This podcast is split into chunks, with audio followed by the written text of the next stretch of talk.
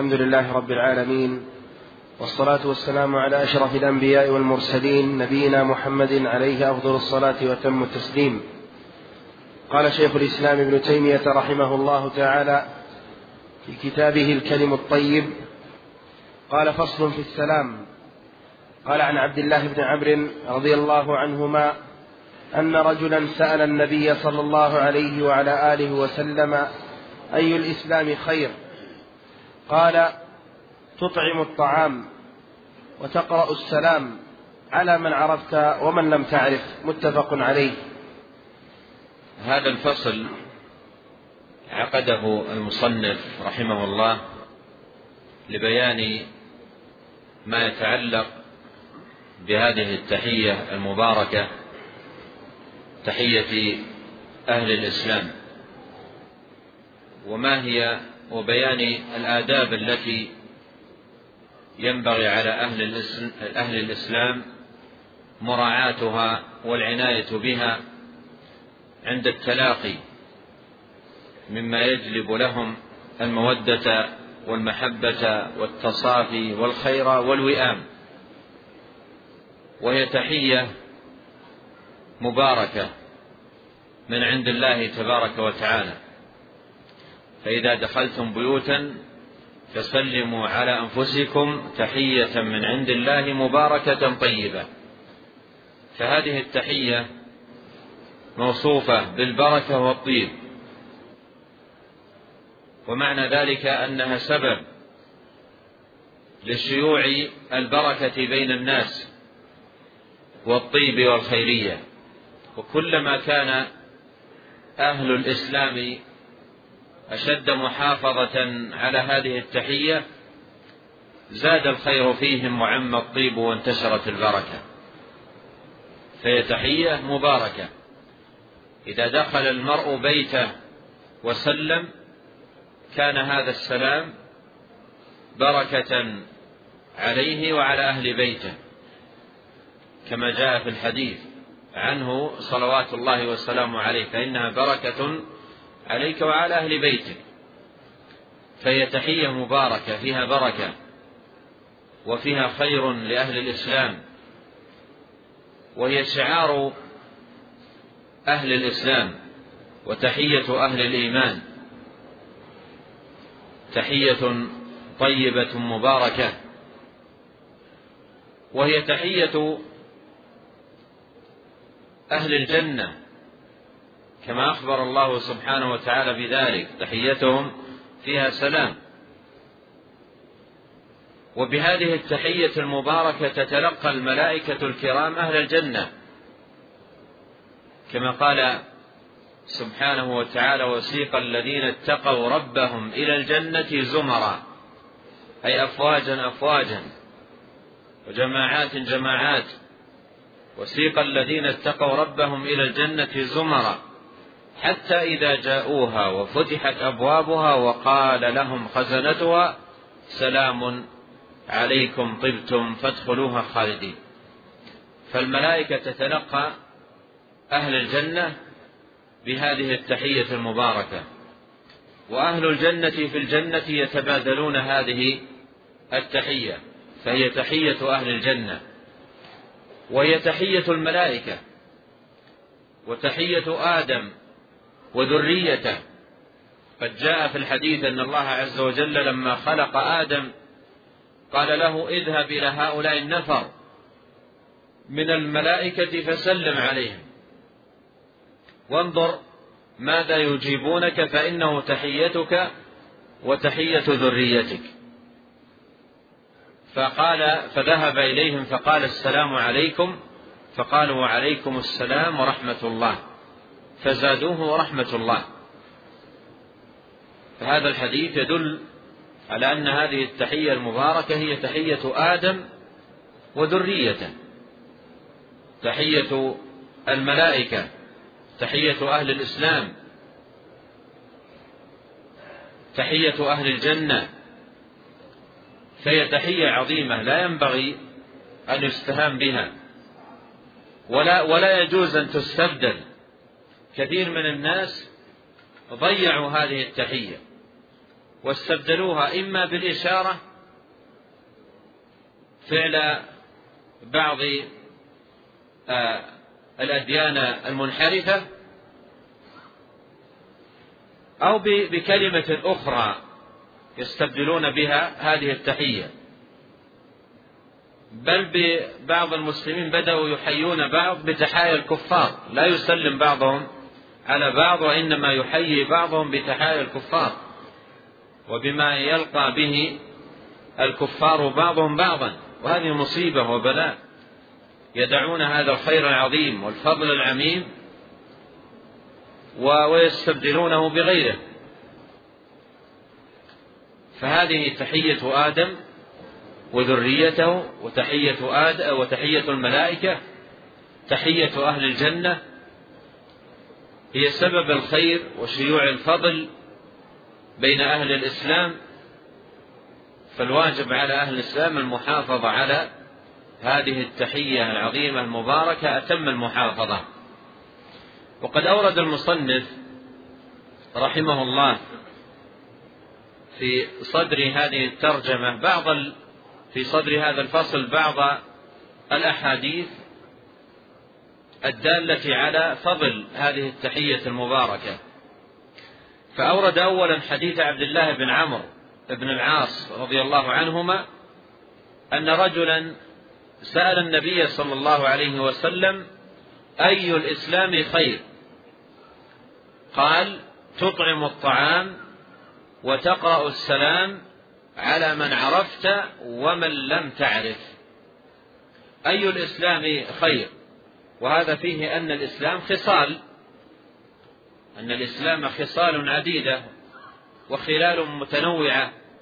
فجاء هذا السائل يسأل النبي عليه الصلاة والسلام عن خير خصال الإسلام وأعظم خلاله. فقال عليه الصلاة والسلام تطعم الطعام وتقرأ السلام. وهذا التمييز لهذا لهذه الخصال هو في باب الآداب آداب الإسلام وأخلاق الإسلام وتعاملات أهل الإسلام. ولهذا يأتي في أحاديث أخرى تفضيل غير هذه الأعمال على هذه الأعمال. بني الإسلام على خمس شهادة أن لا إله إلا الله وأن محمدا رسول الله وإقام الصلاة وإيتاء الزكاة وصوم رمضان وحج بيت الله الحرام. سئل عليه الصلاة والسلام أي العمل أفضل؟ قال الصلاة لوقتها. فباب العبادة المحضة أركان الإسلام هي المقدمة على كل الأعمال وجميع الطاعات وفي باب الآداب والأخلاق الإسلامية تأتي هذه الخصال العظيمة مقدمة على غيرها. إطعام الطعام وإفشاء السلام. قال تطعم الطعام. تطعم الطعام بمعنى أن يكون الإنسان كريما محسنا إلى المحتاجين والفقراء يكرمهم بما أكرمه الله عز وجل به من طعام وشراب نفسه سخية بذلك. يجود بما أكرمه الله به ومن الله عليه به. فهذا من من الخصال العظيمة الدالة على كرم النفس وسخائها وبعدها عن الشح. ومن يوق شح نفسه فأولئك هم المفلحون. وتقرأ السلام على من عرفت ومن لم تعرف. وهذه أيضا خصلة عظيمة تدل على نبل الإنسان وتواضعه وكريم أخلاقه وطيب معشره ومعاملته أنه يلقي السلام ليس على المعرفة فقط أو على أقاربه فقط أو على من بينه وبينه صلة وإنما يلقي السلام على من عرف وعلى من لم يعرف. فهذا من خير الأعمال وأفضلها وأحبها إلى الله سبحانه وتعالى أن يلقي المسلم السلام على إخوانه. من يعرفه منهم ومن لا يعرفه لا يخص بالسلام المعرفة. بل جاء في حديث ثابت عن النبي عليه الصلاة والسلام أنه قال إن من إن من أشراط الساعة إن من أشراط الساعة أن لا يكون السلام إلا على المعرفة. يعني لا يسلم الشخص إلا على من لم يعرف إلا على من يعرفهم. أما من لا يعرفه فإنه لا يسلم عليه. هذا من أشراط الساعة وعلاماتها وليس من علامات الخير. ليس من علامات الخير. الخير هنا. الخير هنا كما في هذا الحديث. قال أي الإسلام خير؟ قال تطعم الطعام وتقرأ السلام على من عرفت وعلى من لم تعرف. فالخير هنا في إلقاء السلام على المسلمين عموما من عرفت منهم ومن لم تعرفه تلقي عليه السلام. فهذه تحية أهل الإسلام وتضييع أهل الإسلام لهذه التحية بينهم تضييع لهذا الخير العظيم والفضل العميم الذي هو سبب عز وسعادة وقوة ولحمة ورابطة بين أهل الإسلام. قال وقال أبو هريرة رضي الله عنه قال رسول الله صلى الله عليه وعلى آله وسلم لا تدخلوا الجنة حتى تؤمنوا ولا تؤمنوا حتى تحابوا. أفلا أدلكم على شيء إذا فعلتموه تحاببتم أفشوا السلام بينكم خرجه مسلم. ثم أورد رحمه الله حديث أبي هريرة وهو من الأحاديث العظيمة الدالة على مكانة السلام في الإسلام وعظيم منزلته. يقول عليه الصلاة والسلام لن تدخلوا الجنة حتى تؤمنوا لن تدخلوا الجنة حتى تؤمنوا. أي أن الجنة لا يدخلها إلا نفس مؤمنة. وهذا أصل عظيم. أذاعه النبي عليه الصلاة والسلام وبينه بيانا واضحا. بل إنه عليه الصلاة والسلام في حجة الوداع نادى وأمر من ينادي وأرسل من الصحابة من أرسل. وبعض الصحابة صحل صوته بح صوته. من ندائه بهذا النداء الذي أمر به عليه الصلاة والسلام. أبو هريرة رضي الله عنه يقول أخذت نادي بذلك حتى صحل صوتي. إنه لن يدخل الجنة إلا نفس مؤمنة. نادى بهذا النداء العظيم في حجة الوداع عليه الصلاة والسلام. وأمر من أمر من الصحابة بأن يشيعوا هذا النداء ويذيعوه بين الناس ويرفعوا أصواتهم به لا يدخل الجنة إلا نفس مؤمنة. وأما الكافر فلا سبيل له إلى دخول الجنة. لا تفتح لهم أبواب السماء ولا يدخلون الجنة حتى يلج الجمل في سم الخياط. فالجنة ليست إلا لأهل الإيمان. ليست إلا لأهل الإيمان. والإيمان له أصول وفروع. كما قال رب العالمين ألم تر كيف ضرب الله مثلا كلمة طيبة كشجرة طيبة أصلها ثابت وفرعها في السماء. أصلها ثابت وفرعها في السماء. وأصول الإيمان به تزكو فروعه وتطيب ثماره ويكون مقبولا لأن الأعمال لا تكون مقبولة إلا إذا قامت على إيمان صحيح. من عمل صالحا من ذكر أو أنثى وهو مؤمن فلنحيينه حياة طيبة. ولنجزينهم أجرهم بأحسن ما كانوا يعملون. ومن أراد الآخرة وسعى لها سعيها وهو مؤمن فأولئك كان سعيهم مشكورا. فالأعمال لا تزكو ولا تصح ولا تطيب ولا تصلح ولا تقبل إلا بالإيمان الذي عليه قيام الأعمال. فإذا انتفى الإيمان بطلت الأعمال ومن يكفر بالإيمان فقد حبط عمله وهو في الآخرة من الخاسرين. فالإيمان هو الذي يزكي الأعمال ويصححها وبه تقبل والأعمال الصالحة تحقق الإيمان.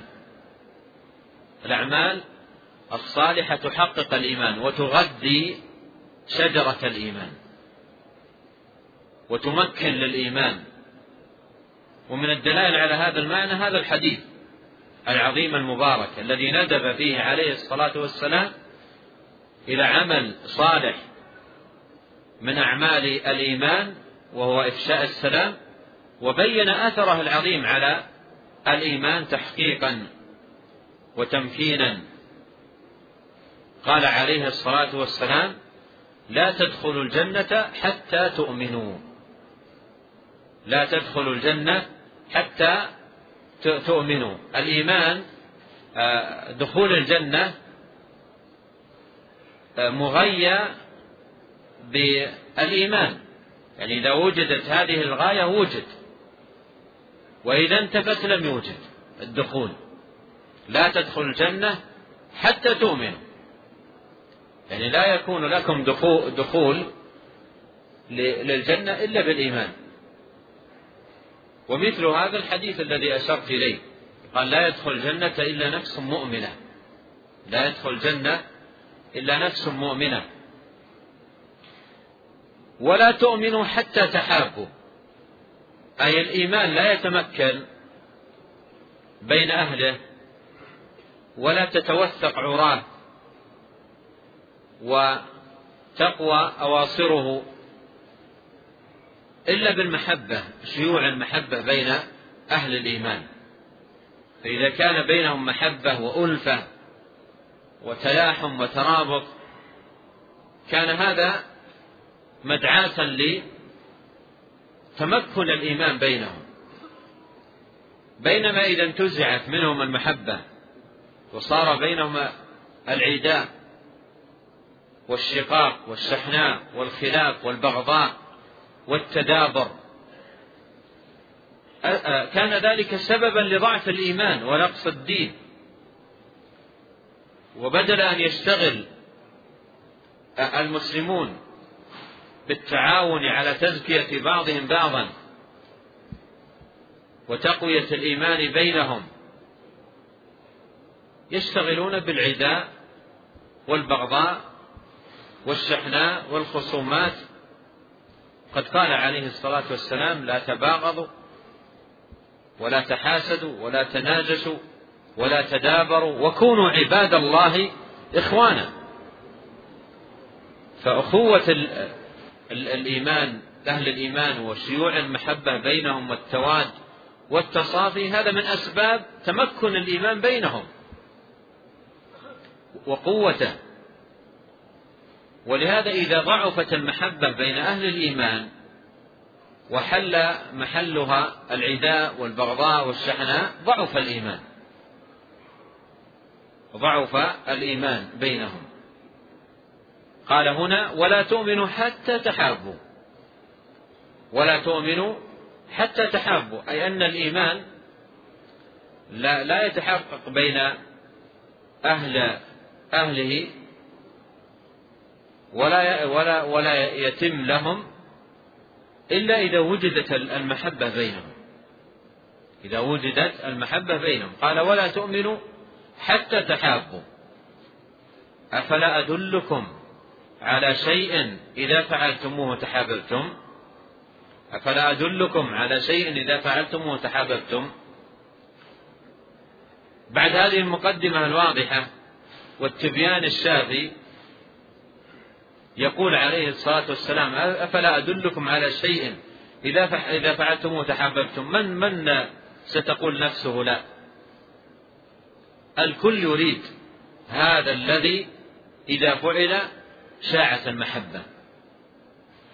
وأثمر شيوع المحبة تحقق الإيمان ودخول الجنة. أفلا أدلكم على شيء إذا فعلتموه تحاببتم أفشوا السلام بينكم. أفشوا السلام. ولاحظ اختياره عليه الصلاة والسلام هذه الكلمة أفشوا السلام بينكم. أي ليكن السلام بينكم فاشيا منتشرا شائعا بحيث كل ما تلاقى أهل الإسلام فالسلام بينهم. لا يسلمون أحيانا ويتركون أحيانا بل هم في تلاقيهم يفشون السلام. بل من حرصه عليه الصلاة والسلام على هذه الخاصة العظيمة. جاء عنه أنه قال عليه الصلاة والسلام إذا التقى المسلمان وسلم أحدهما على الآخر ثم فصل بينهم دابة أو شجرة ليسلم أحدهما على الآخر. شجرة أو دابة يعني أنت تمشي مع صاحبك ومرتم بشجرة أنت ذهبت عن اليمين وهو عن اليسار وتلاقيتم تقول له السلام عليكم. أو ما فصلت بينكم سيارة. أو نحو ذلك. هذا كله من عناية النبي عليه الصلاة والسلام بإفشاء السلام مع أنه لم يطل الفصل. يعني يفصل بينك وبين صاحب مثل هذا العمود. لا لا لا, لا لم يطل الفصل. فصل يسير جدا ومع ذلك حرص النبي عليه الصلاة والسلام على السلام قال ليسلم أحدهما على الآخر. يفصل بينهما شجرة أو عمود ويقول عليه الصلاة والسلام ليسلم أحدهما على الآخر. وكثير من الناس الآن يفصل بينهم أيام وأوقات ليس عمود أو شجرة أيام وأوقات ويتلاقون ما يسلم أحدهما على الآخر. وكثير من الناس يلقى أخاه ويبدأه بالكلام مباشرة. أين أنت مثلا؟ أو ما ماذا فعلت؟ أو يبدأه ب... ب... ومن حرص النبي عليه الصلاة والسلام على البعد عن ذلك قال من لم يبدأكم بالسلام فلا تجيبوه. من لم يبدأكم بالسلام فلا تجيبوه. هذا كله من حرصه عليه الصلاة والسلام على إفشاء السلام وانتشاره بين أهله لأنه يترتب على إفشاء السلام انتشار المحبة والمودة وانتشار المحبة والمودة بين أهل الإيمان يساعد على قوة الإيمان وتمكن الدين بينهم. وهي أمور مترتب بعضها على بعض. كل واحد منه منها ينادي للآخر. إذا جاء السلام جاءت المحبة. وإذا جاءت المحبة قوي الإيمان. وإذا قوي الإيمان نال الناس دخول جنة الرحمن. فهي أمور ينادي بعضها إلى بعض. كل واحدة تنادي الأخرى.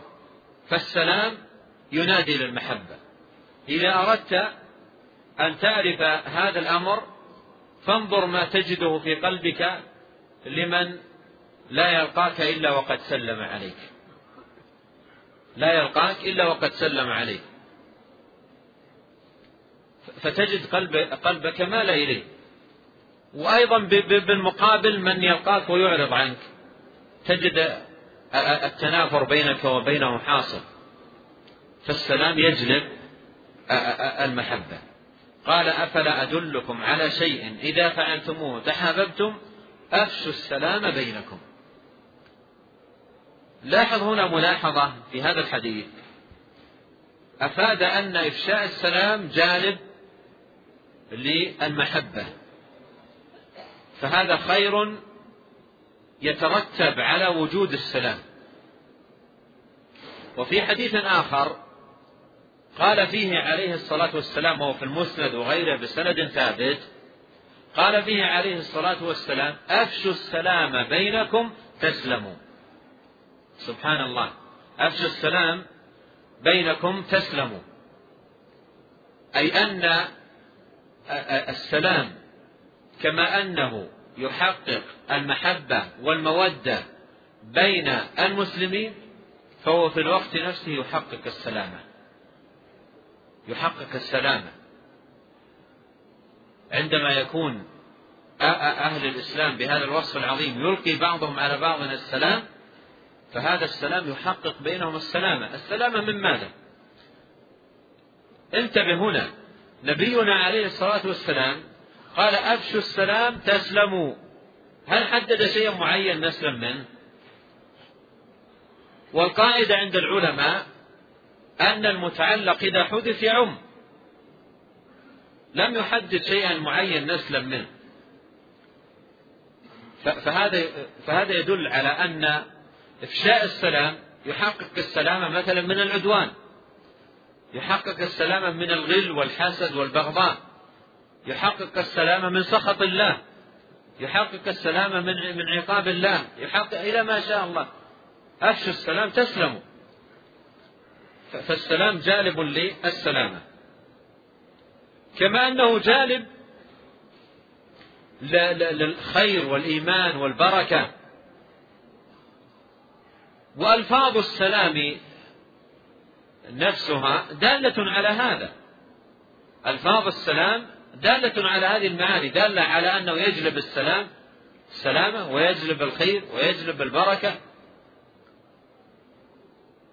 السلام عليكم ورحمة الله وبركاته. هذه كلمات كلها دعوات مباركة تجلب الخير. السلام عليكم.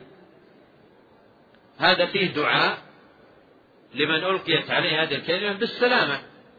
ولهذا أيضا نبه العلماء على أن الواجب على على من ألقى السلام أن يكون ملقيا السلام حقيقة. ملقيا السلام حقيقة يعني من قلبه فعلا يسلم. لا لا يلقيه لمصلحة معينة أو لهدف معين وإنما يلقيه من قلبه تحية من عند الله مباركة يتقرب إلى الله سبحانه وتعالى ويطلب ثوابه بإلقائه على إخوانه. لا لا يلقي السلام لأمر معين أو لحاجة معينة. شاع بين الناس كلمة سيئة جدا يذكرها بعضهم السلام المصلحة. هذه كلمة سيئة ولا ينبغي أن توجد بين أهل الإسلام. السلام قربة لله. وطاعة يطلب بها المسلم ثواب الله تبارك وتعالى. يطلب بها هذه الخيرات العظيمة والثواب الجزيل الذي أعده الله تبارك وتعالى لأهل السلام ومن يلقون السلام.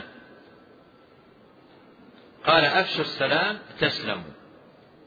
وهنا قال تحابوا.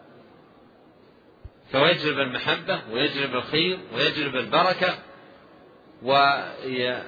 ويحقق السلامة من الشر والبلاء. ففوائد السلام لا, لا تحصى وفضائله لا تعد. نعم.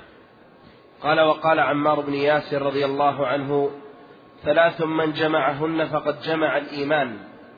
الإنصاف من نفسك وبذل السلام للعالم والإنفاق من الإقتار.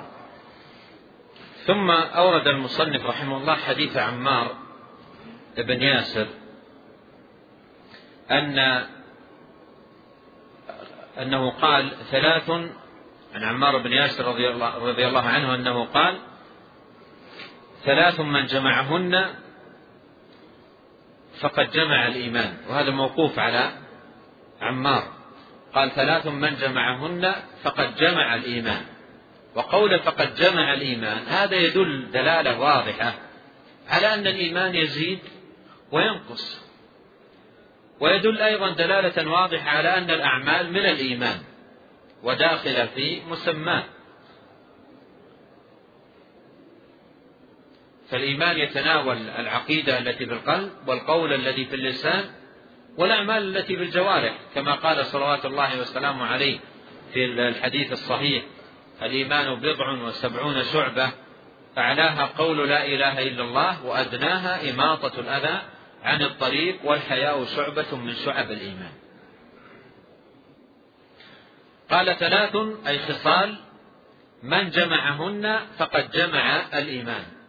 وقوله فقد جمع الإيمان فيه دلالة على مكانة هذه الخصال من الإيمان وأنها لا تجتمع لا تجتمع إلا في حق من اجتمع فيه الإيمان. فاجتماعها في الشخص دليل على قوة إيمانه وانتفاؤها في الشخص دليل على ضعف إيمانه. الخصلة الأولى قال الإنصاف من نفسك. أي أن تكون تعاملاتك مع الناس قائمة على الإنصاف. ولو كان الحق عليك فإنك تنصف. ولو كان الحق عليك تنصف الناس وتعدل في التعامل معهم. ولو كان في نفسك على أحد شيء فإن هذا لا يمنعك من الإنصاف ولزوم العدل. فوصف من كان من أهل هذه الخصلة العدل في الغضب والرضا. وقول الحق في الغضب والرضا ينصف الناس من نفسه. والخصلة الثانية بذل السلام للعالم. بذل السلام للعالم. أي لكل من تلاقي. لكل من تلاقي من أهل الإسلام. وأهل الدين. فهي تحية أهل الإسلام. بذل السلام للعالم.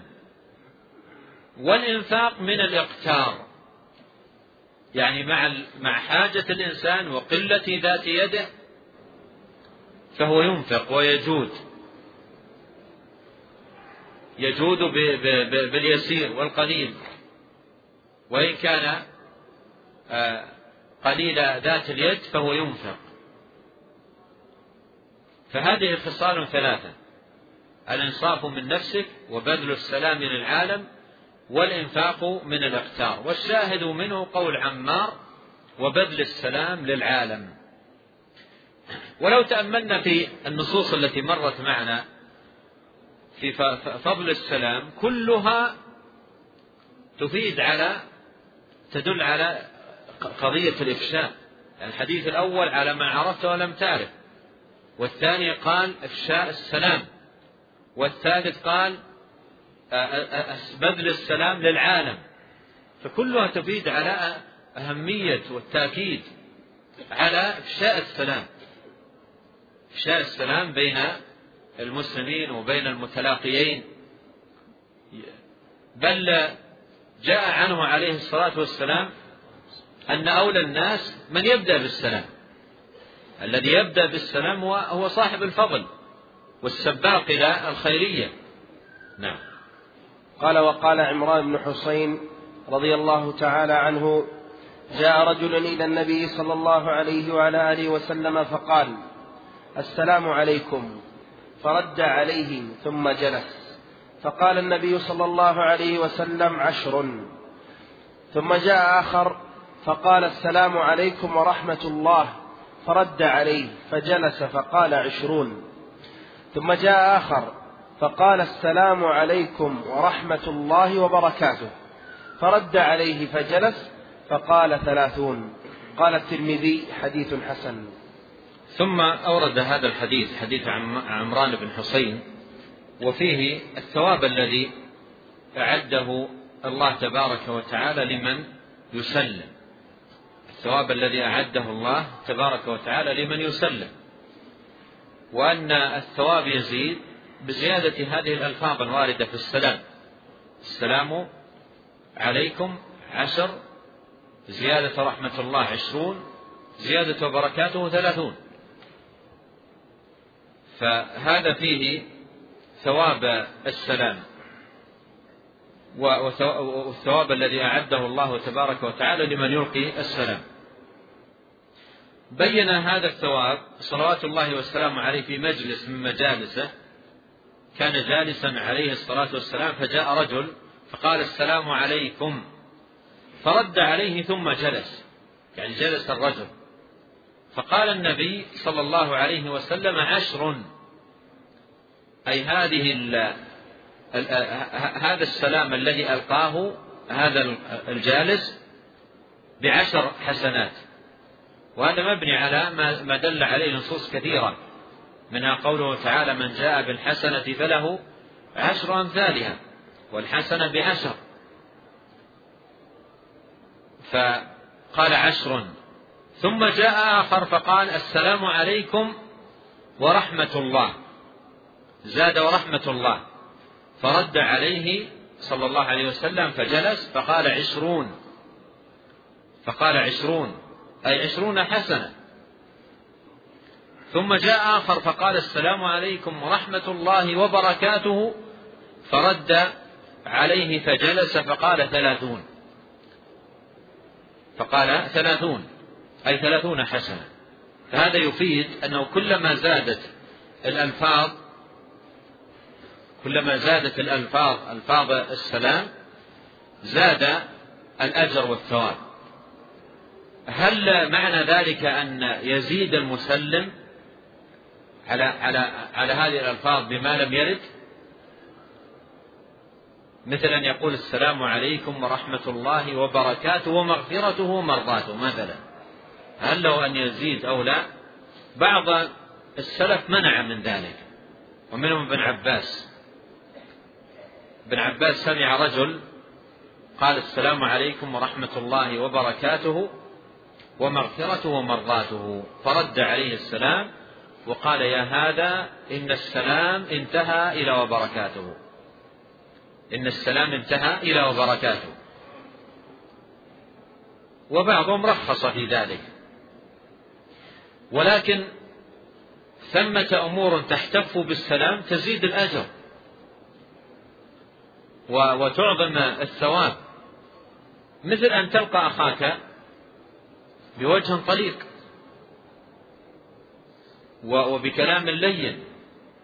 وبسماحة وبشر ومثل أيضا أن تضيف بعد السلام السؤال عن حاله وعن صحته وعن أخباره. كيف أصبحت؟ كيف أمسيت؟ كيف أنت؟ وكلمات تجلب المودة. أو مثلا الترحيب مرحبا. كان عليه الصلاة والسلام تأتي عنه كثيرا هذه الكلمة مرحبا. ترحيب بالأخ وبالقادم وبمن تلقاه مرحبا أهلا. أو نحو ذلك من العبارات الطيبة الجميلة التي ينبغي أن تكون بين الإخوان. وجه طليق وكلام لين وتلاق بالسلام وتعاطف وسؤال وتراحم هذا هذه أخلاق أهل الإسلام. إذا إذا ذهبت هذه الأخلاق فهي دليل على دليل على ضعف الإسلام بينهم ونقص الإيمان فيهم. وإلا لو قوي الإيمان وقوي الإسلام لظهرت هذه الخصال العظيمة المباركة. نعم. قال وعن أبي أمامة رضي الله عنه قال رسول الله صلى الله عليه وعلى آله وسلم إن أولى الناس بالله من بدأهم بالسلام. قال الترمذي حديث حسن. ثم أورد رحمه الله هذا الحديث حديث أبي أمامة. فيه الحث والترغيب على السبق للسلام أن تسبق إلى السلام. وإذا سبقت إلى السلام إذا سبقت إلى إلى السلام فزت بهذه الفضيلة العظيمة أنك أولى الناس بالله. أولى الناس بالله من بدأهم بالسلام. فهذه فضيلة عظيمة. فضيلة عظيمة وثواب جزيل لمن كان بهذه الصفة يسبق. وكثير من الناس يضعف السلام بينهم بسبب ضعف الفقه في مسألة الأولوية ومن الأولى. وهذا الحديث يأتي يعالج هذا الأمر النفسي الذي يوجد في نفوس كثير من الناس. هذا الحديث يعالج معالجة تامة. لو عقلنا هذا الحديث وفهمناه يعالج معالجة تامة. تجد كثير من الناس يتقابلون ثم وهم متقابلون يجول في خواطرهم بحث النفس من الأولى. وإلى أن يمر كل واحد منهم من عند الآخر ولا أحد يسلم على الآخر وهم لا يزال كل واحد منهم في بحث النفس من الأولى. انتبهتم؟ يتقابل اثنان ومجرد ما يتقابل يلاقيه يبدأ في في بحث النفس. والآخر أيضا يبدأ في بحث النفس من الأولى. لا أنا الأولى منه هو الأولى. ويجول إلى أن يمر أحدهم الآخر ما أحد ما يسلم على الآخر لأنهم يبحثون من الأولى. من الأولى بإلقاء السلام. ويمرون ما يلقي أحدهم السلام على الآخر. كل واحد منهم مشغول في نفسه في في بحث هذه المسألة. أنا الأولى أو هو الأولى؟ ويأتي هذا الحديث يعالج هذا الأمر أو العائق النفسي. أولى الناس بالله من بدأهم بالسلام. أولى الناس بالله من بدأهم بالسلام. لا تنظر إلى الأولوية من أي اعتبار وإنما انظر إلى الأولوية من خلال هذا الحديث. انظر إلى الأولوية من خلال هذا الحديث. إذا لقيت أخاك لا تفكر من الأولى. الأولى موجود هنا. لا تفكر من الأولى. أنا هو أولى أو هو مني أولى؟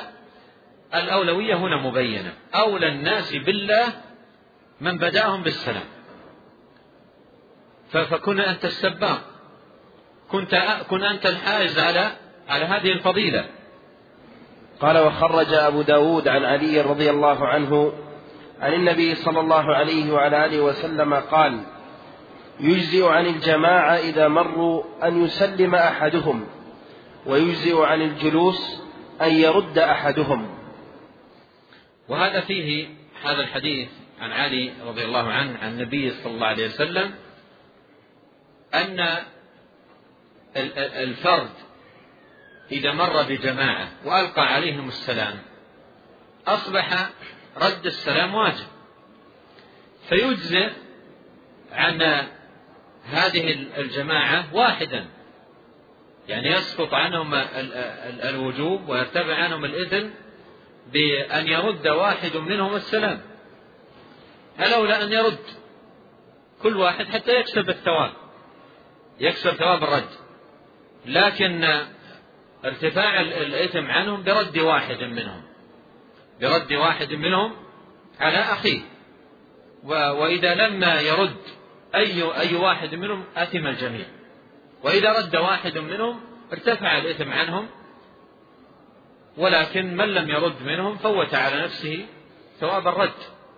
فوت على نفسه ثواب الرد. قال يجزئ عن الجماعة إذا مروا أن يسلم أحدهم ويجزئ عن الجلوس أن يرد أحدهم. والإجزاء أمر دون ماذا؟ دون الفضيلة.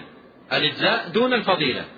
هنا قال يجزى لكن ما الأفضل؟ لو أن شخص جماعة جلوس وألقى شخص عليهم السلام. الأفضل أن كل واحد يرد حتى كل واحد منهم ينال الفضيلة. فهنا إخبار عن الإجزاء. يجزي عنهم أحدهم لكن الفضيلة شيء آخر. قال وقال أنس رضي الله عنه مر النبي صلى الله عليه وعلى آله وسلم على صبيان يلعبون فسلم عليهم. حديث صحيح. وهذا من من تمام إفشاء السلام. أن أن أن يفشى بين جميع أفراد المسلمين صغارا وكبارا ولا يخص به الكبار بل حتى الصغار أيضا. حتى الصغار. فإذا لقي المسلم الأولاد الصغار ولو كانوا في لعب أو يسلم عليهم السلام عليكم. فهو أولا فاز بثواب إلقاء السلام والأجر المترتب عليه. إن كان قال السلام عليكم فهي عشر وإن زاد ورحمة الله فهي عشرون وإن زاد وبركاته فهي ثلاثون. فاز بهذا الثواب بإلقائه على على هؤلاء الصغار. وأمر آخر أن هؤلاء الصغار ينشأون في مجتمعهم على ما عودهم عليه الكبار. ينشأون على ما عودهم عليه الكبار. فإذا كان الكبار يسلمون ينشأ الصغار على السلام. وإذا كان الكبار لا يسلمون ينشأ الصغار وهم لا يعرفون السلام. ففي تربية أيضا للصغار وتأديب لهم وتعويد وفي أيضا تواضع الكبير ولين جانبه ففيها معاني عظيمة جدا. فكان عليه الصلاة والسلام مر على صبيان يلعبون فسلم عليهم. وأنس رضي الله عنه ورث هذه السنة لأن أنس مر على صبيان فسلم عليهم وقال كنت مع رسول الله صلى الله عليه وسلم ومر على صبيان فسلم عليهم. فالسلام يلقى على الصغير وعلى الكبير ويفشى وينشر بين أهل الإسلام. قال وقال أبو هريرة رضي الله عنه قال رسول الله صلى الله عليه وعلى آله وسلم إذا انتهى أحدكم إلى المجلس فليسلم فإن بدا له أن يجلس فليجلس ثم إذا قام فليسلم فليست الأولى بأحق من الآخرة. قال الترمذي حديث حسن.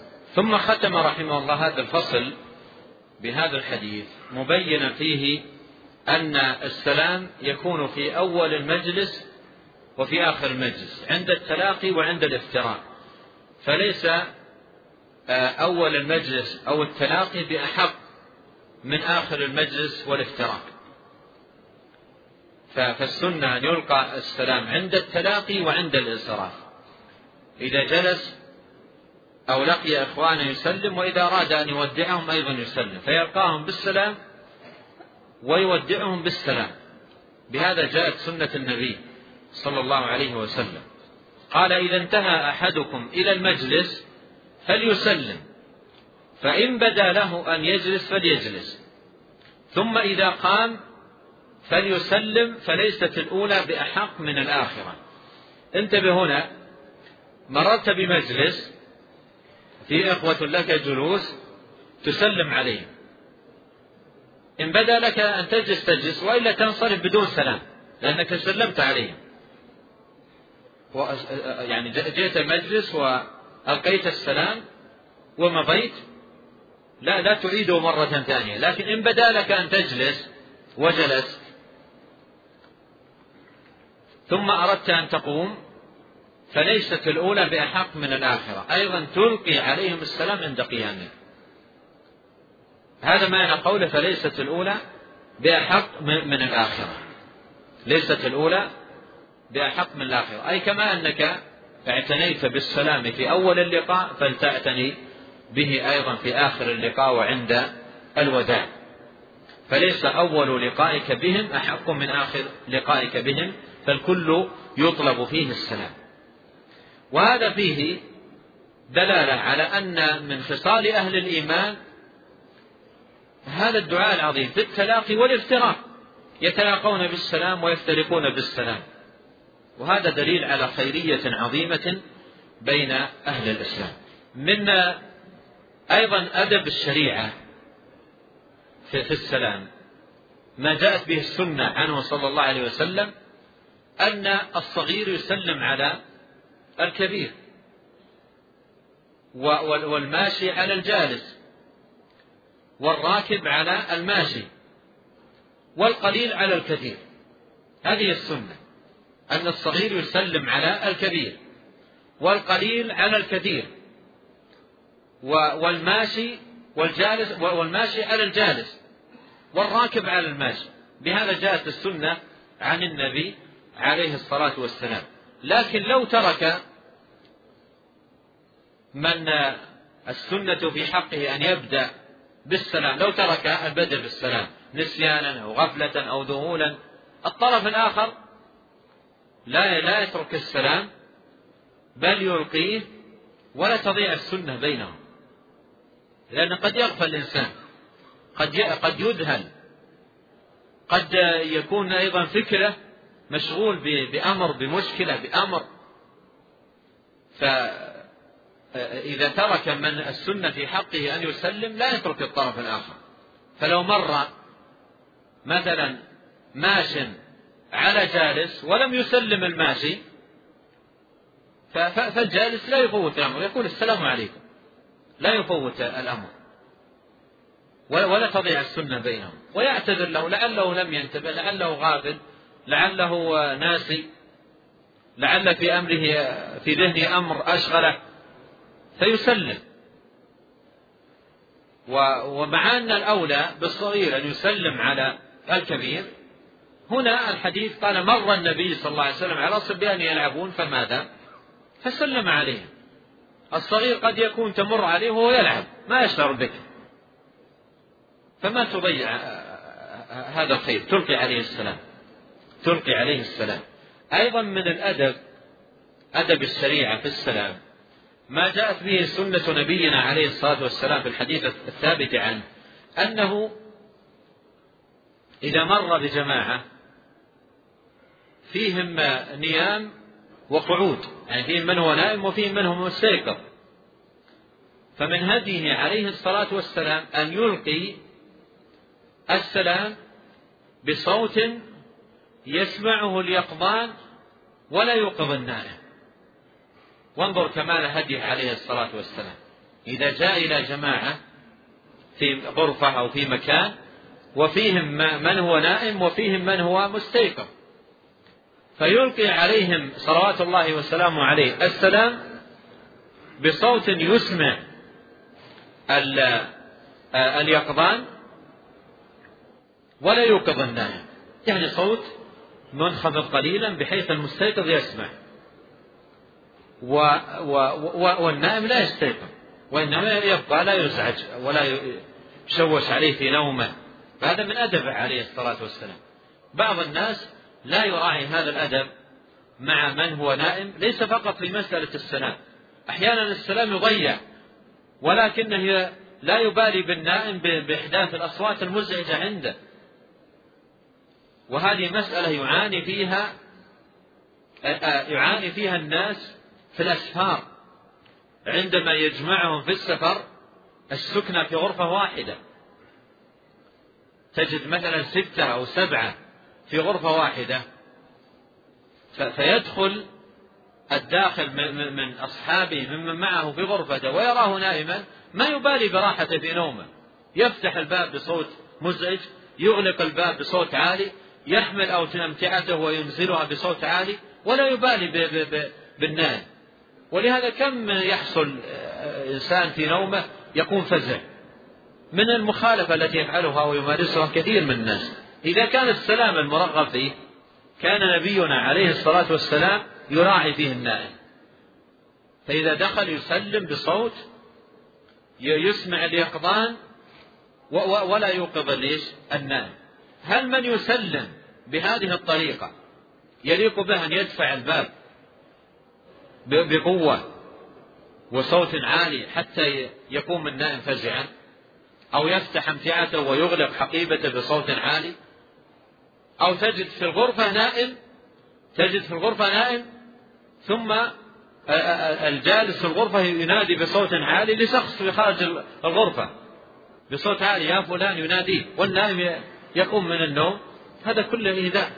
إذا كان السلام فعله النبي عليه الصلاة والسلام بهذا الأسلوب اللطيف. لا يوقظ النائم ولا ويسمع اليقظان. فهذا من أدب النبي صلوات الله وسلامه عليه في إلقاء السلام. أيضا مما يتعلق بالسلام الإشارة. جاء النهي عن النبي عليه الصلاة والسلام عن أن يكون السلام بالإشارة. تجد يمر المسلم بأخيه المسلم وهو قريب منه فيقول بيده هكذا أو يضع يده على على على صدره. ولا يسلم أحدهم على الآخر. ولا يسلم. هذا نهى عنه عليه الصلاة والسلام. نهى عنه صلوات الله وسلامه عليه أن يكون السلام بالإشارة. فالذي جاءت به السنة هو أن تسلم. بصوت يسمعك ما من تلقاه. السلام عليكم ويرد عليكم السلام. وأيضا لا لا لا لا يبتخس ألفاظ السلام ولا يؤكل بعض حروفه. لا يؤكل بعض حروفه وإنما يلقى السلام واضحا. بعض الناس يرد السلام ولكن يأكل عدد من حروف السلام. يأكل عددا من حروفه. فيحافظ على ألفاظ السلام كما وعليكم السلام. بعض الناس يأكلها وتسمع منها أول الحروف وآخر الحروف وفي الوسط ما يؤكل ما يبقى. فهذا خلاف خلاف السنة. السنة وهدي النبي عليه الصلاة والسلام أن تلقي بصوت واضح يسمع السلام عليكم فيرد عليكم السلام. قال العلماء إذا كان من تلقي عليه السلام بعيدا إذا كان من تلقي عليه السلام بعيدا فماذا تصنع؟ إذا كان بعيد يعني لو سلمت ما يسمع صوتك. مثل وأنت في السيارة الآن. ومررت في الطريق بأخ أمامك. ولو قلت السلام عليكم بصوت عالي ما سمعت. فقال أهل العلم في مثل هذه الحالة تجمع. في مثل هذه الحالة تجمع بين السلام والإشارة. وتكون الإشارة دليل على ماذا؟ ليست الإشارة هي السلام الإشارة دليل على أنك ألقيت عليه السلام. الإشارة علامة له أنك ألقيت عليه السلام. ليست الإشارة هي السلام. الإشارة دليل على أنك ألقيت عليه السلام. فإذا لقيته تقول السلام عليكم. وإشارة يدك تنبئه أن فمك ألقى عليه السلام. فلا تكتفي بها. يعني لا تكتفي بأن تشير بيدك. هذا فعل فعل أعاجم فلا تكتفي باليد تشير بها وإنما تشير بيدك وتنطق بفمك سلاما تلقيه عليه وتكون يدك دليلا له أنك ألقيت عليه السلام فيرد عليك بالمثل. يقول عليكم السلام. ويشير بيده. أيضا إشارته بيدك بيده دليل على الرد. ليست الإشارة هي نفس الرد. فلينتبه لهذا. وكثير الناس يغفل هذا الأمر. تجده يكتفي بالإشارة والإشارة ليست هي السلام. ليست الإشارة هي السلام. السلام كلمة تحية طيبة مباركة وصفها الله بهذه الصفة ونبينا عليه الصلاة والسلام رغب فيها في أحاديث كثيرة ولا يتحقق السلام بمجرد الإشارة. لا يتحقق السلام بمجرد الإشارة بل لابد من إلقاء السلام والإشارة تكون دليلا عليه. قال رحمه الله تعالى فصل في العطاس والتثاؤب قال أبو هريرة رضي الله عنه عن النبي صلى الله عليه وعلى آله وسلم قال إن الله يحب العطاس ويكره التثاؤب فإذا عطس أحدكم وحمد الله كان حقا على كل مسلم سمعه أن يقول يرحمك الله. وأما التثاؤب فإنما هو من الشيطان. فإذا تثاءب أحدكم فليرده, فليرده ما استطاع. فإن أحدكم فإن أحدكم إذا تثاءب ضحك منه الشيطان. قال رحمه الله فصل في العطاس والتثاؤب. أي ما الذي يشرع للمسلم من آداب وأقوال وأفعال إذا حصل عطاس أو تثاؤب؟ ما الذي عليه أن يفعل في هذا الأمر؟ هذا فصل لبيان شيء من الآداب المتعلقة بالعطاس والتثاؤب أورد أولا حديث أبي هريرة عن النبي صلى الله عليه وسلم أنه قال إن الله يحب العطاس ويكره التثاؤب قف هنا متأملا في قوله عليه الصلاة والسلام يحب ويكره. إن الله يحب وقوله إن الله يكره. ويجب على المسلم أن يعرف هذا. صفة لله أن الله يحب ويكره يرضى ويسخط سبحانه وتعالى. هناك أعمال يحبها ويرضاها وهناك أعمال تسخطه سبحانه وتعالى. وقد مر معنا قريبا في الدعاء الذي يشرع للمسلم أن يقول إذا رأى الهلال من أول الشهر أن يقول الله أكبر اللهم أهله علينا بالأمن والإيمان والسلامة والإسلام والتوفيق لما تحب وترضى. ربي وربك الله. فالمسلم إذا آمن بأن ربه تبارك وتعالى يحب أمورا ويرضاها ويسخط أمورا ويبغضها فإن هذا يدفعه إلى ماذا؟ يدفعه إلى فعل ما يحب تبارك وتعالى والبعد عما يبغض ويسخط. بخلاف من ابتلاهم الله والعياذ بالله بإنكار هذه الصفات وعدم الإيمان بها وتأويلها التأويلات الباطلة التي أضرت بالناس إضرارا بالغا ودخلوا في الانشغال بتلك التأويلات الباطلة عن تحقيق المعاني الحميدة والخصال المباركة التي في أحاديث النبي عليه الصلاة والسلام. فترى من اشتغلوا بالتحريف والتعطيل انشغلوا بهذا الأمر الباطل عن حقائق السنة وهدي النبي صلوات الله وسلامه عليه. فهذا كله دعك عنه دعك عن تلك التأويلات الباطلة. واحذر منها وافهم هذه الأحاديث كما فهم الصحابة. أبو بكر وعمر وسائر الصحابة ومن اتبعهم بإحسان لما قال النبي عليه الصلاة والسلام إن الله يحب العطاس ويكره التثاؤب أمروا الحديث كما جاء وآمنوا به كما ورد. يحب تبارك وتعالى ويبغض ويكره. على وجه يليق به كما أن له سبحانه وتعالى ذات لا كالذوات فله جل وعلا صفات لا كالصفات. القول في الصفات كالقول في الذات. كما أننا نثبت له ذاتا لا كالذوات فنحن نثبت له جل وعلا صفات لا كالصفات. فما يضاف إلى الله من الصفات يخصه ويليق بجلاله وكماله. ولهذا مضت القاعدة عند أئمة السلف رحمهم الله في هذا الباب بقولهم أمروها كما جاءت. بلا كيف. يعني أمروا أحاديث الصفات كما جاءت. أمروها كما جاءت. يعني آمن بها كما وردت. لا لا لا لا تحرف ولا تبدل ولا تغير. فإذا إيماننا بأنه سبحانه وتعالى يحب وأيضا إيماننا بأنه يكره هذا يدفع القلب قلب المؤمن إلى تحري الأعمال التي يحبها الله والبعد عن الأعمال التي يبغضها ويسخطها جل وعلا. قال إن الله يحب العطاس يحب العطاس. وحب الله تبارك وتعالى للعطاس هذا من كريم فضله.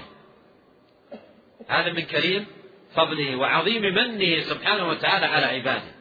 لماذا؟ قال أهل العلم لأن العطاس فيه فائدة للإنسان. فيه منفعة للإنسان. فيه, فيه رحمة للإنسان. فيه لطف بالإنسان. العطاس هو أبخرة تكون في في دماغ الإنسان. لو بقيت أضرت به وآذته فمن رحمة الله سبحانه وتعالى بالإنسان أن هذه الأشياء المؤذية تخرج بالعطاس. ولو لم يكن منه العطاس بقيت مؤذية له في في رأسه مؤذية له مزعجة. قد تجلب له أمراضا أو أسقاما فمن رحمة الله تبارك وتعالى بعبده أن هذه الأبخرة تخرج بالعطاس. يعطس فتخرج هذه ويتحقق له راحة. فالله عز وجل يحب ذلك. إذا حب الله للعطاس هو من رحمته بعبده ومن لطفه بعبده ومن نعمته سبحانه وتعالى. قال إن الله يحب العطاس ويكره التثاؤب. ويكره التثاؤب. التثاؤب أمر يكرهه الله ولا يحبه من عبده. لماذا؟ لأن التثاؤب كما جاء في الأحاديث من الشيطان. التثاؤب دليل على ارتخاء البدن وفتوره وكسل الإنسان وخموله. وهذه معاني لا يحبها الله سبحانه وتعالى. لا يحبها الله جل وعلا. فالتثاؤب يكرهه الله. إذا ماذا علينا والحال هذه؟ ماذا علينا تجاه التثاؤب والحال هذه؟ أن التثاؤب لا يحبه الله تبارك وتعالى.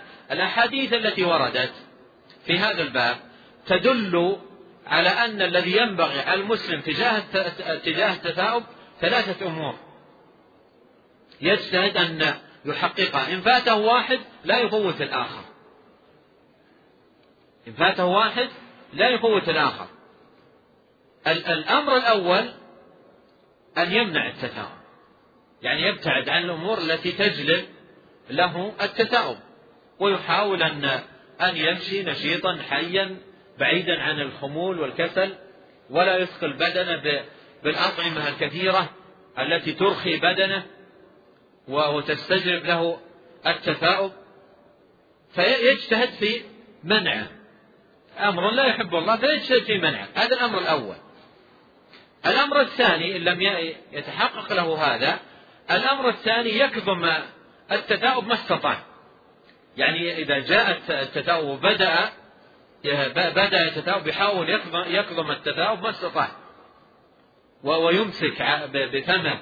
لا لا يجعل فمه ينفتح يمسك بفمه منعا للتثاؤب منعا لهذا الأمر الذي لا يحبه الله تبارك وتعالى ويكرهه فيمنعه.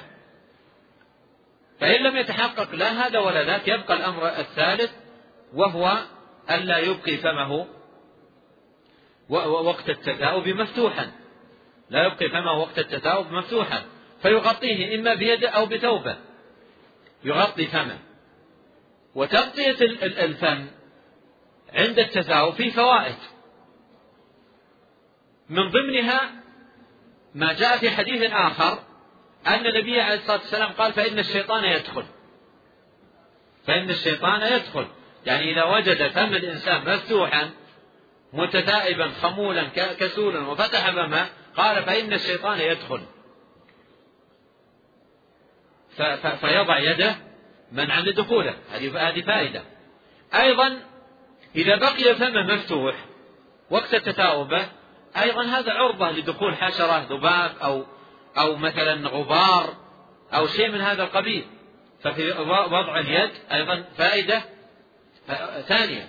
أيضا فائدة ثالثة وهي أن هيئة الإنسان ليست حسنة عندما يكون فمه مفتوحا على آخره فهذه هيئة غير حسنة. ولو رأى الإنسان نفسه في مرآة مفتوح الفم لرأى أن هيئة غير جميلة. لا يحب أن أن يكون بهذه الهيئة أمام إخوانه. لكن في غفلته مع كسله ومع خموله ومع فتورة في, في هذه الغفلة يفتح فمه وينسى هذه المعاني ويبقى الفم مفتوحا أمام إخوانه. فإذا هذه أمور آه، أمور تراعى في التثاؤب الذي وصف بهذا الحديث بأن الله عز وجل يكرهه يجتهد الإنسان في منعه آه، قدر استطاعته ورده قدر استطاعته فإن لم يتمكن يكظم فإن لم يتمكن يضع يده أو أو شيئا من ثيابه على فمه. قال إن الله يحب العطاس ويكره التثاؤب فإذا عطس أحدكم وحمد الله كان حقا على كل مسلم سمعه أن يقول يرحمك الله. وسيأتي في الأحاديث أيضا أن يرد هو على من قال يرحمك الله يهديكم الله ويصلح بالكم. لاحظ سبحان الله هذا الجمال والكمال والحسن والبهاء الذي يحدث بين المسلمين على أثر العطسة التي يحبها الله جل وعلا.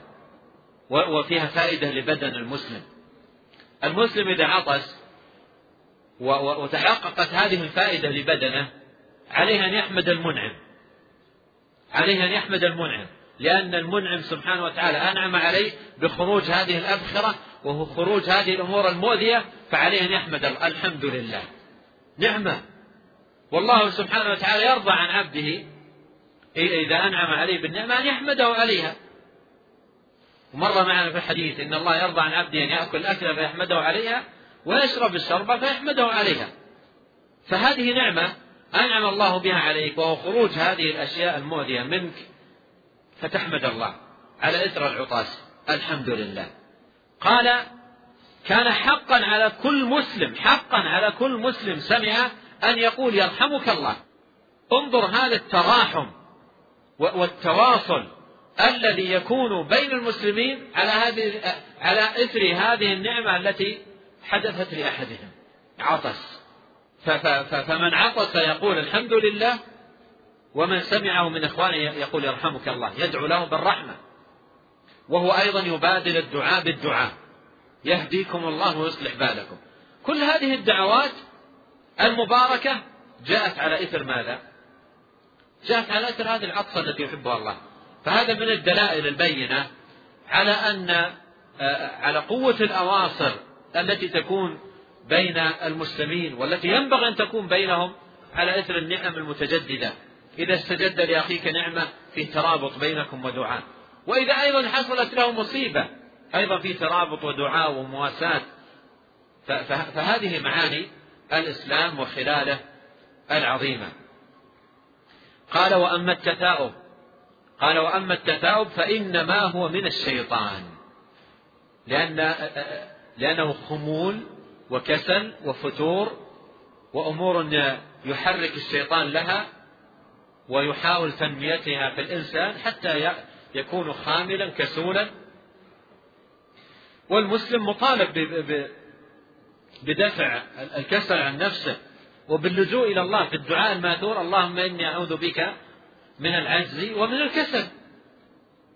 يدعو الله أن يذهب عن الكسل وأيضا يتحرك بنشاط حتى يذهب عنه خموله وكسله فلا يأتيه التثاؤب التثاؤب من الشيطان. فإذا تثاءب أحدكم يعني وجد التثاؤب فليرده ما استطاع. فليرده ما استطاع. فإن أحدكم إذا تثاب ضحك منه الشيطان.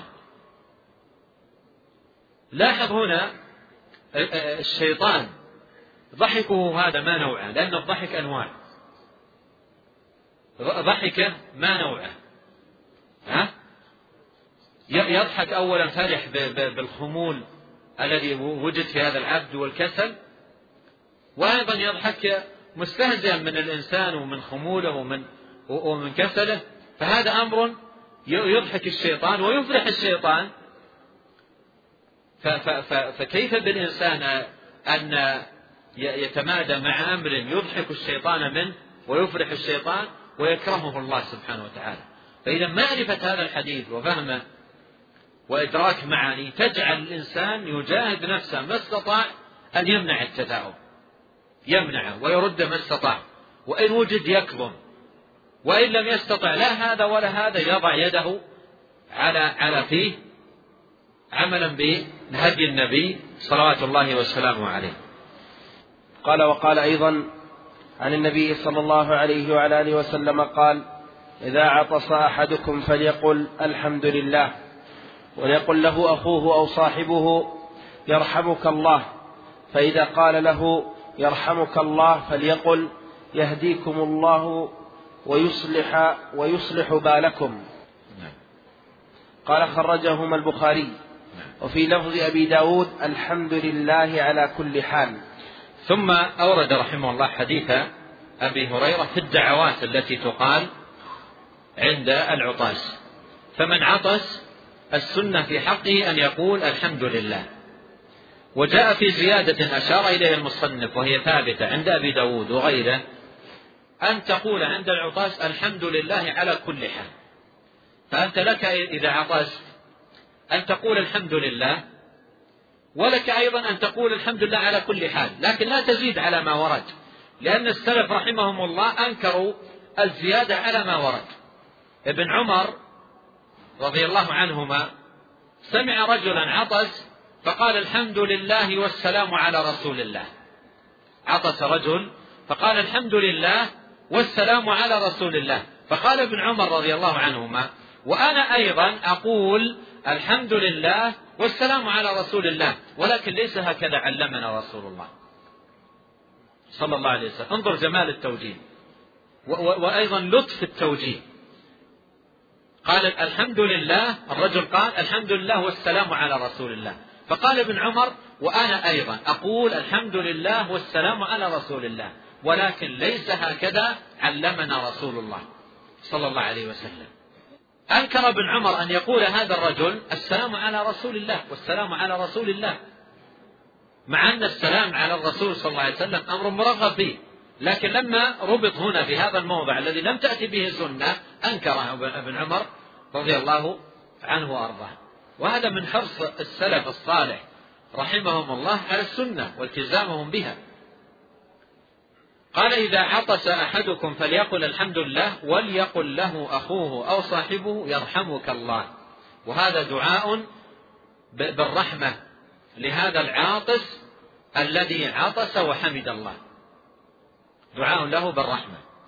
وهذا فيه أن الحمد على النعمة مجلبة للرحمة. ولهذا طلب ممن سمعه يحمد على إثر عطسته أن يدعى له بالرحمة. فالحمد على إثر العطاس مجلبة للرحمة ولهذا شرع لمن سمع سمعه أن يدعو له بالرحمة. يرحمك الله. فإذا قال له يرحمك الله فليقل أي العاطس للمشمت يهديكم الله ويصلح بالكم. دعاء لهم بالهداية ودعاء له بصلاح البال أي صلاح الشأن صلاح الأمر كله. نعم. قال وقال أبو موسى الأشعري رضي الله عنه سمعت رسول الله صلى الله عليه وعلى آله وسلم يقول إذا عطس أحدكم فحمد الله فشمتوه فإن لم يحمد الله فلا تشمتوه خرجه مسلم. ثم أورد رحمه الله وختم هذا الفصل بحديث أبي موسى الأشعري رضي الله عنه. قال سمعت رسول الله صلى الله عليه وسلم سمعت رسول الله صلى الله عليه وسلم يقول إذا عطس أحدكم فحمد الله فشمتوه فإن لم يحمد الله فلا تشمتوه. وهذا الحديث له قصة له قصة لطيفة وطريفة جاءت في في, في سياق هذا الحديث. وهو أن ابن أبي أبي موسى راوي هذا الحديث عن أبي موسى آه، يقول كنت في بيت والدي لأن والده أبو موسى عنده زوجة غير والدة آه، أم من هو الصحابي؟ ها؟ أبو بردة أبو بردة هو ابن أبي موسى أبو بردة رضي الله عنه يقول كنت في بيت والدي عند زوجته التي هي بنت الفضل بن عباس زوجة والده. يقول كنت في بيت والدي في بيت آه، زوجة الأخرى بنت الفضل بن عباس. فعطست فلم يشمتني وعطست وشمتها. مشكلة عطست ولم يشمتني وعطست وشمتها. يقول فذهبت إلى والدتي ضرت هذه. فقل ذهبت إلى والدتي وقلت كنت عند والدي في بيت آه، بنت الفضل فعطست فلم يشمتني وعطست وشمتها. فلما جاء عندها عند زوجة الأخرى بدأت تلومه. قالت عطس ابني فلان عندك ولم تشمته وعطست فلانة وشمتها. وعطست فلانة فروى لهم هذا الحديث. روى لهم هذا الحديث رضي الله عنه. قال سمعت رسول الله صلى الله عليه وسلم يقول إذا عطس أحدكم فحمد الله فشمتوه فإن لم يحمد الله فلا تشمتوه. وإنها عطست وحمدت الله فشمتها وإن ابنك عطس ولم يحمد الله فلم أشمت انتهت القضية. فلا لا لا قصة طريفة مع ابنه وزوجته الثانية. على كل حال هذه سنة أن من من عطس وحمد الله يشمت ومن لم يعطس ولم يحمد الله لا يشمت والعلماء لهم تفصيل هل يذكر أو لا؟ إذا كان يجهل السنة يعلم. بعض الناس يأتي يجهل السنة. يجهل السنة ولا يعرفها. أما إذا إذا كان الإنسان يعني آه، تكاسل عنها أو أو نحو ذلك يترك. مثل ما حصل من آه، آه، أبو موسى رضي الله عنه مثل ما حصل من أبي مثل ما حصل من أبي موسى رضي الله عنه وإنما يعني نبه نبه فيما بعد السبب. فمن فمن يحصل منه عطاس ويحمد يشمت وحق كما جاء في الحديث على كل من سمع أن أن يشمته يقول يرحمك الله. وأما إذا لم يحمد الله فهو فوت على نفسه هذا الخير وهذا الفضل العظيم. أيضا من الآداب التي نبه عليها أهل العلم في, في, في مسألة العطاس أن يحرص الإنسان على أن يخفض صوته. بعض الناس إذا عطس يعني ما يبالي بخروج العطسة بصوت عالي جدا فيتأذى من حوله يتأذى من حوله. فيجاهد نفسه بثوب أو بيده يضعه على فيه بحيث يكون صوت العطاس ما استطاع منخفضا. بدون يعني وهذا فيه البعد عن إيذاء الناس بالصوت العالي أو أو المزعج. فهذا من آداب أيضا التي جاءت بها سنة النبي صلوات الله وسلامه عليه.